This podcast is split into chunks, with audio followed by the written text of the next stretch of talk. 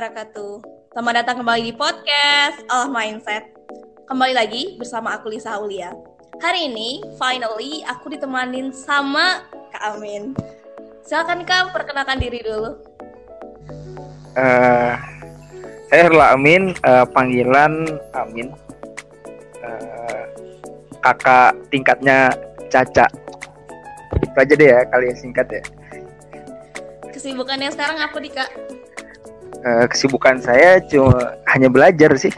Kegiatan saya hanya belajar. Uh, kebanyakan seperti mahasiswa pada umumnya gitu. Ngomong-ngomong kemarin kayaknya sibuk banget persiapan S2 nih kak. Gimana nih uh, sampai sekarang lancar nggak kak? Uh, Alhamdulillah sejauh ini uh, lancar. lancar. Jadi kemarin sempat cukup sibuk ya uh, mengejar deadline pendaftaran di pasca sarjana UGM. Kebetulan ngambil jurusan filsafat uh, disponsori LPDP alhamdulillah. Uh, dan alhamdulillah sekarang tinggal menunggu hasilnya gitu. Nah, mohon doanya semoga diberikan kemudahan, kelancaran dan hasil yang terbaik. Ya, gitu deh. Amin, Allahumma amin. Nah, jadi hari ini kita mau bedah buku nih kak. Bukunya judulnya kalau bahasa Inggrisnya di Arab sih ya kak. Tapi kalau judul bahasa Indonesia-nya dari puncak khilafah. Oh boleh cerita? Yes, di Arab. Boleh cerita nggak kak? Uh. Kakak sebenarnya awal tahu dan akhirnya tertarik baca buku ini dari mana dan kapan? Uh, tentu pertama kali tertarik baca buku ini uh, sebenarnya kita mulai dari tema dulu ya Eh, pertama tema kajian Timur Tengah khususnya kajian sejarah. Saya udah punya ketertarikan sejak SMP sebenarnya. Jadi sudah mulai berkenalan dengan eh, karya-karya yang sebenarnya cukup ringan yang berbicara tentang Timur Tengah. Nah uh, perjumpaan saya uh, khususnya dengan uh, Eugene Rogan ini ya khususnya buku dari Puncak Khilafah yang berjudul asli The Arabs itu setelah membaca karya sequelnya gitu. Yang sebelumnya uh, pada tahun 2016 kalau tidak salah ya. Kalau yang dari puncak khilafah kan 2017 baru keluar. Nah the, the fall of uh, the, the fall of the khilafah itu menjadi salah satu buku terjemahan uh, non fiksi terbaik waktu itu. Dalam kategori sejarah dan sejarah Islam. Nah, kemudian saya baca uh, dan saya terpikat dengan bagaimana seorang sejarawan uh, mampu menarasikan uh, berbagai peristiwa dalam satu rangkaian yang uh, bisa dinikmati oleh para pembaca gitu. Seakan-akan uh, kalau kita sebagai audiens ya, kalau kita membaca satu karya sejarah dan kita uh, larut di dalam uh, narasi yang dibuat atau dirangkai oleh sang penulis maka eh, saya kira sejarawan ini berhasil gitu dalam tanda eh, dalam eh, di dalam tanda kutip yang mampu membawa kita eh, ikut dalam rekonstruksi sejarah yang ia buat. Nah, Eugene Rogan itu dari karya yang The Fall of the Khilafah itu eh, mampu membuat saya yang suka sejarah untuk uh, apa ya bisa menikmati uh, rangkaian demi rangkaian peristiwa. Nah, usut punya usut, uh, coba uh, bu buku aslinya yang bahasa Inggris. Ternyata uh, seri pertama yang muncul sebenarnya adalah yang di Arabs. Jadi uh, dari sequel ini yang diterjemahkan cukup aneh. Jadi yang diterjemahkan The Fall of Hilaf uh, The Fall of the Hilafah dulu baru The Arabs. Padahal uh, karya aslinya kalau kita mau baca secara runtut The Arabs dulu baru The Fall of the Hilafah. Nah, kalau kita bacanya dari puncak Hilafah baru The Fall of the Hilafah, nah kita bisa lebih runtut tuh melihat bagaimana potret uh, keadaan uh, masyarakat Muslim khususnya daerah Mediterania, Afrika Utara dan uh, daerah Arab pergolakannya, situasi sosial politiknya, hingga akhirnya timbullah malapetaka yang sama-sama kita rasakan sampai hari ini. gitu mungkin uh, gitu ya Caca ya nah sebenarnya Caca sudah pernah membahas hal ini di episode darab satu kak gimana sih awal mula malapetaka ini ketika khilafah ini terpikat melihat nilai-nilai barat, ideologi, bahkan undang-undang Perancis dan ingin menerapkannya di khilafah Utsmaniyah. Nah, Caca sendiri kan belum mampu untuk menelisik dan membahas hal ini secara mendalam. Apa yang mendiskusikan hal ini nih kak? Gimana sih kalau misalnya kita berbicara tentang khilafah Utsmaniyah, kita tahu bahwa kontribusinya terhadap peradaban Islam sangat luar biasa, bahkan sempat menguasai sepertiga bagian dunia dan banyak sekali pencapaian-pencapaian luar biasa. Nah, tapi kok bisa kak mereka malah khilafah Utsmaniyah ini malah jadi terpikat, jatuh hati, ingin mengambil nilai-nilai barat, terpikat ingin memiliki kemajuan-kemajuan yang barat miliki. Kok bisa sih kak hal ini terjadi? Kita mulai dari teori peradaban dulu ya, ya sebelum kita masuk ke sana gitu. Jadi uh, dalam kajian peradaban atau study of civilization biasanya ada uh, dua mazhab gitu ya. Uh, pertama ada mazhab uh, independen. Dalam artian peradaban itu dia muncul dengan sendirinya gitu ya. Tapi ini adalah yang apa ya kalau dalam bahasa sulfik itu marjuh lah di kalangan minoritas. Uh, sebagian besar berpendapat uh, yang kedua ini bahwasanya uh, peradaban itu sifatnya interdependensi interdependensi jadi dia juga dia muncul dengan sendiri uh, dia muncul uh, sebagai satu identitas, tapi juga tidak lepas dari identitas lain.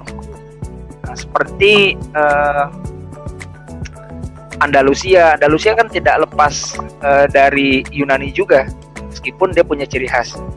Nah, begitupun nanti uh, Usmani yang kemudian uh, dalam rentang tujuh abad ini, yang awalnya mereka sangat dipengaruhi Arab pada uh, sekitar abad 11-12 ya, pada masa-masa perang salib kan mereka mulai mengorbit tuh pasukan-pasukan dari Anatolia, suku Turks yang nomaden, kemudian uh, mulai masuk dalam legiun kekhalifan Abbasiyah sekitar abad 11-12.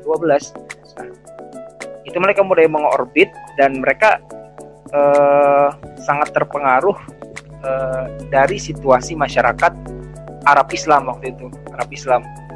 Itu masyarakat Abbasiyah dan dan sebelumnya uh, Umayyah gitu kemudian uh, sekitar uh, pasca keruntuhan uh, Abbasiyah uh, ditandai dengan hancurnya kota Baghdad ya tahun 1258 itu uh, orang-orang Utsmani orang-orang Turki itu sudah uh, sampai pada orbit yang cukup tinggi sehingga mereka uh, mampu mendirikan satu uh, dinasti atau kerajaan sendiri. Nah, itu dimulai dari uh, Usman Ertugrul ya. Usman Ertugrul sekitar abad ke apa namanya? 13-an. Abad akhir-akhir abad 13 kemudian menjadi Saljuk ya. Kesultanan Saljuk. Kemudian nanti uh, pada puncaknya uh, dia berubah menjadi apa yang disebut uh, Ottoman yang kita kenal dengan nama Ottoman ya, Ottoman pada hari ini. Nah, jadi uh, kalau kita berbicara Khalifahan Utsmani, dia nanti ada beberapa segmen ya. Jadi tidak semuanya Ottoman, tidak semuanya Saljuk, tapi dia satu kesatuan ketika kita membicarakan uh, Khilafan Utsmani atau Imperium Utsmani dan berbicara dari Saljuk kemudian Ottoman. Nah, kemudian uh, apa namanya? berkaitan dengan teori interdependensi tadi, uh, terjadi satu perubahan besar yang mana dulunya uh, orang-orang Turki atau orang-orang Utsmani ini yang sangat terpengaruhi uh, budaya dari masyarakat uh, Timur Tengah, terutama Abbasiyah ya, karena mereka dulu adalah bawaan Abbasiyah, sama kasusnya kayak Mamalik ya, yang menguasai Kairo nanti. Yang juga akhirnya juga nanti dikuasai oleh Utsmani ya jadi bawahan Utsmani orang-orang Mamalik nah pada tahun eh, 1453 sebagaimana yang sering kita ketahui ya sangat masyhur sering dibicarakan uh, penaklukan atau futuhat ya. Mungkin sebagian orang lebih senang menggunakan kata futuhat pembebasan gitu ketimbang penaklukan gitu karena uh, biasanya dalam tradisi penaklukan Islam itu tidak banyak uh, menumpahkan darah gitu. Nah itu tahun 1453 uh, Konstantinopel di dibebaskan. Tetapi ada yang menarik uh, tidak sam sampai setengah abad dari masa itu pada tahun 1492 kekhalifahan uh, Umayyah II atau Andalusia itu kan uh, runtuh di Spanyol kan ya di semenanjung Iberia gitu. Nah, di sini kita akan mendapati dua pola besar sebenarnya yang terjadi pada masa itu. Uh, yang pertama adalah uh, pergeseran politik. Itu yang pertama, pergeseran politik. Yang mana pertama pergeseran politik pertama itu terjadi di Anatolia, yaitu masuknya Tur uh, menguasainya Turki Utsmani ke Eropa. Jadi orang-orang Eropa mulai uh, dikuasai oleh Turki Utsmani uh, dalam kasus itu Yunani dan Balkan. Nah, di sisi lain terjadi pergeseran yang dulunya semenanjung Iberia itu dikuasai uh, sekitar uh, lima abad oleh uh, khilafan Umayyah II atau Andalusia itu bergeser dikuasai oleh uh, apa namanya Spanyol dan Portugal. Dan waktu itu banyak raja-rajanya gitu. Bukan hanya kerajaan Spanyol dan kerajaan Portugal karena masing-masing uh, kota waktu itu banyak ya. Rata-rata memiliki uh, penguasa gitu. Terkenal misalnya uh, Isabella dan Aragon gitu. Uh, itu. Jadi pertama terjadi pergeseran politik dulu di timur kita uh, menang di timur Mediterania kita menang dalam tanda uh, kutip ya menang menang kita uh, melakukan futuhat di sisi barat dunia Islam uh, kita kalah Nah, itu yang pertama terjadi terjadi pergeseran politik. Nah, yang kedua eh, terjadi pergeseran eh, budaya.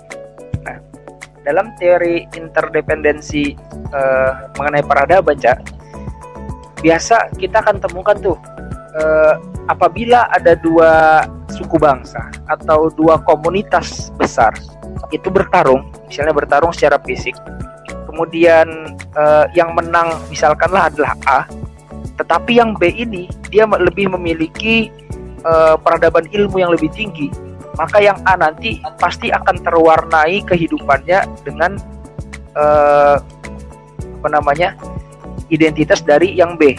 Contohnya adalah Mongol gitu. Mongol ini kan ngeri kan ya. Jadi julukannya sampai uh, imperiumnya imperium lebih besar daripada Utsmani Mongol tuh mungkin menguasai separuh dunia uh, apa namanya Golden Horde itu uh, dia nak dari muncul dari utara Cina bah, uh, bahkan sampai ke Mesir itu. Mesir Suriah itu tertaklukkan. Uh, tapi di Mesir mereka kalah di apa Ain Jalut. Nah. Nah Mongol itu luar biasa tuh sebagai pasukan militer. Tetapi karena dia tidak punya peradaban ilmu maka tidak sampai 100 tahun dari tertaklukannya apa namanya tertaklukannya Islam eh, umat Muslim oleh Mongol Mongol masuk Islam. Jadi generasi sebelum sampai satu abad generasi Timur Leng ke bawah itu udah menganut agama Islam. Karena mereka memang tidak memiliki pengetahuan tapi punya kekuatan militer. Nah yang terjadi dalam kasus uh, Turki dan uh, Andalusia cukup cukup mirip gitu. Nah, tapi uh, kasus Turki di sini saya tidak mengatakan bahwasanya Turki uh, lemah secara keilmuan, tidak. Nah, tapi uh, di antara hal yang negatif yang terjadi adalah uh, bisa dikatakan budaya-budaya Eropa yang cenderung bebas, terutama waktu itu kan masa-masa Renaissance kan, masa-masa Renasang dan Renasang itu uh, bermula justru dari Andalusia orang diberi kesempatan untuk uh, berpikir secara bebas kemudian berani mengkritik hegemoni otoritas agama. Nah, sehingga yang terjadi adalah uh, liberalisasi masyarakat waktu itu. Masyarakat sudah mulai berani bebas. Kalau dulu kan uh, di zaman kegelapan gereja ya, di, di Dark Ages kan orang nggak bisa macam-macam gitu. Mau melakukan maksiat yang katakanlah dilarang oleh gereja, dia nggak boleh. Gitu. Dia nggak berani maksiat depan, depan umum gitu. Tapi pas ke uh, munculnya Renaissance, gerakan Martin Luther gitu kan, itu kan tidak jauh jaraknya uh, dengan pembebasan Turki. Nah, masyarakat Turki yang sangat agamis uh, itu bersentuhan dengan budaya-budaya masyarakat yang katakanlah mulai keluar dari rel agamanya gitu. Dalam kasus ini adalah uh, masyarakat uh, Barat ya, masyarakat Barat. Nah, tetapi sampai di sini uh, masyarakat Usmani itu semacam punya ketahanan atau daya imunitas yang tinggi, Cak. Maka kalau kita baca misalnya di uh, izin Rogan ya ataupun uh, sumber-sumber lain misalnya uh, sejarah dari apa ya Said Al Usairi atau Qasim A Ibrahim misalnya. Ada nah, mereka menjelaskan bahwasanya habis penaklukan Al Fatih itu sebenarnya tidak ada problem secara identitas kita masih superior. Jadi uh, kalau dalam teori psikologi itu kan kalau ada dua orang bertemu saya bertemu dengan orang lain ketika saya merasa superior maka saya biasa aja nggak saya nggak ada nggak ada masalah saya tidak merasa terintimidasi. Nah waktu itu Usmani masih superior. Sebab apa? E, selain mereka juga punya pengetahuan tinggi mereka menang secara militer. Nah, namun e, setelah lama lambat laun pasca satu ab, e, berjalan satu abad mulai masuk abad 17 nah Usmani mulai tergoyang. Nah yang menarik adalah kalau kita uh, misalnya beda ya coba bukunya uh, Rogan itu dia menyebutkan bahwasanya Usmani untuk per pertama kalinya tergoyang bukan oleh kalangan eksternal tapi internal. Jadi goyang sendiri tuh. Terjadi pemberontakan di uh, apa namanya daerah Mesir daerah Libya kemudian sekitar daerah Suriah di mana Eh, penguasa-penguasa lokal itu mulai membangkang gitu ya membangkang. Dan satu hal uh, kita cak ya menarik ya mungkin terlalu panjang deh saya ngobrol ya boleh disela kok nggak ada masalah. Tapi menarik itu bagi saya adalah Usmani itu sebagai satu imperium besar mereka mengembalikan uh, apa namanya model uh,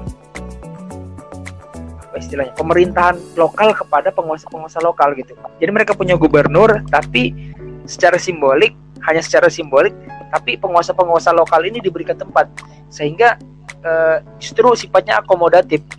Jadi kalau dalam bahasa ya itu ada negara bagian gitu. Nah, negara bagian. Kalau kita hari ini kita ngeliat Amerika Serikat tuh. Amerika Serikat, Amerika Serikat tuh kan masing-masing negara bagian punya polisi tuh. Punya polisi deh uh, New York uh, eh, NUPD, New York, New, apa, New York Police, kemudian uh, daerah mana Minnesota dan lain-lain. Tapi militer mereka hanya punya satu. US Army itu juga just one gitu. Nah, Usmani itu begitu. Jadi pasukan Usmani ya satu. Uh, yang yang di di apa namanya istilahnya di pasukan yang ada di daerah-daerah provinsi itu ya hanya pengaman gitu pengaman dan penertib gitu. Tapi pasukan infanterinya pasukan militernya dari Usmani dan Usmani yang memegang kendali itu. Nah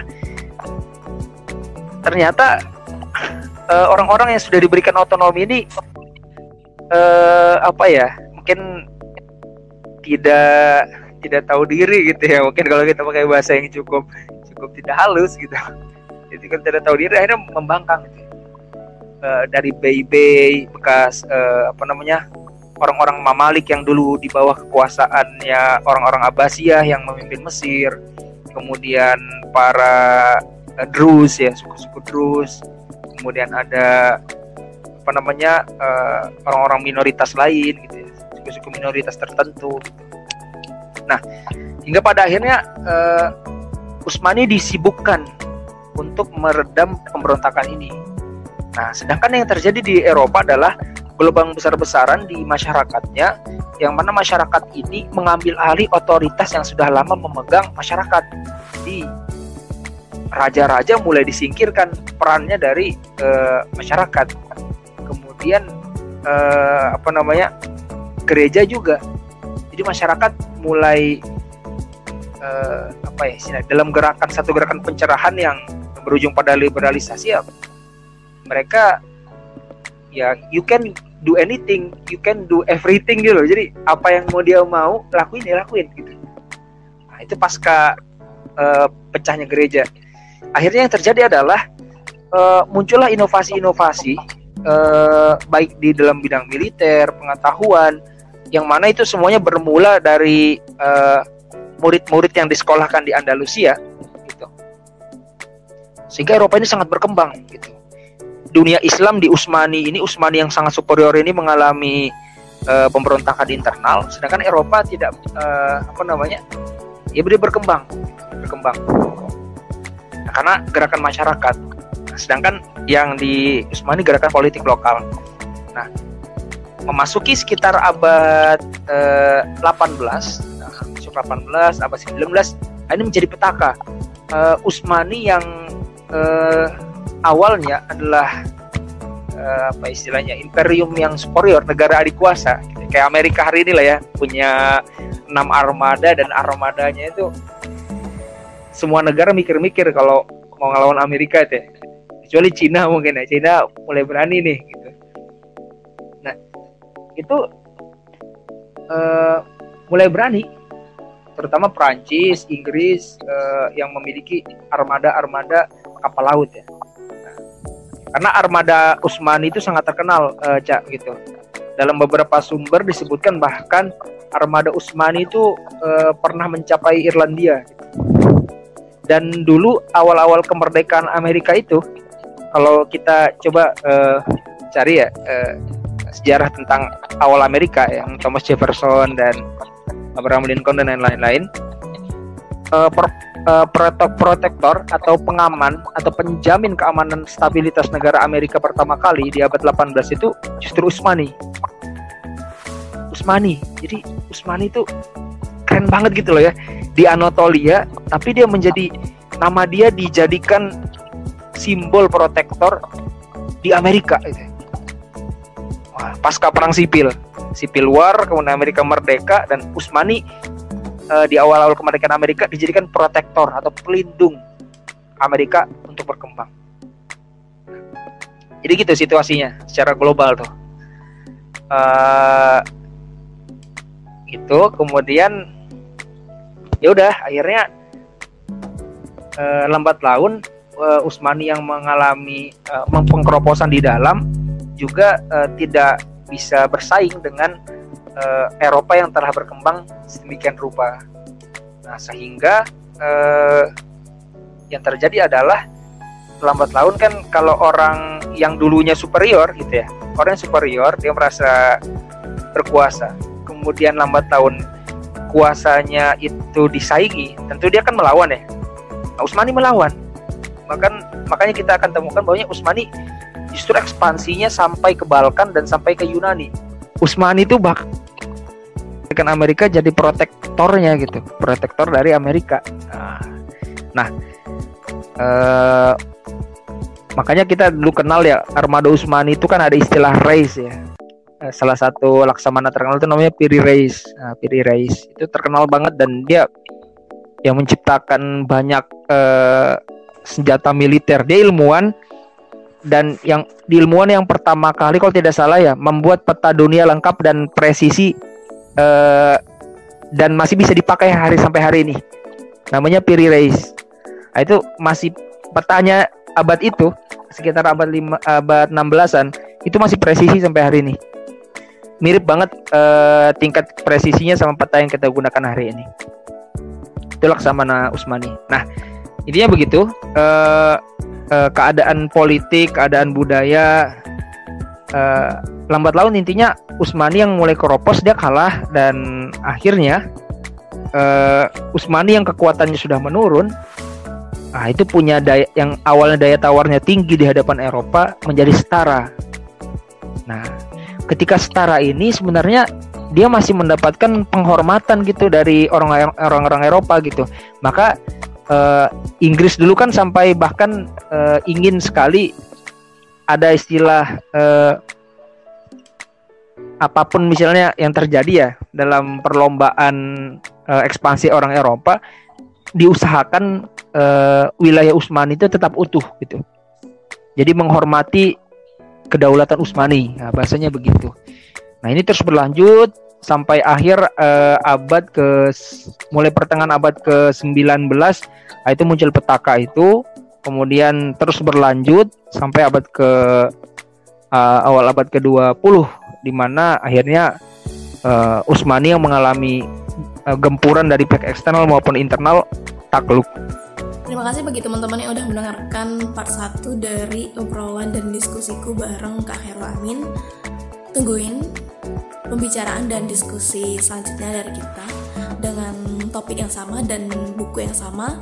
Pastikan kalian selalu menunggu dan menanti karena diskusi ini sangat seru dan pastinya kita bakal bakal mengulik-ulik banyak hal lainnya. Tetap semangat dan tetap sehat selalu. Jangan lupa baca buku. Wassalamualaikum warahmatullahi wabarakatuh.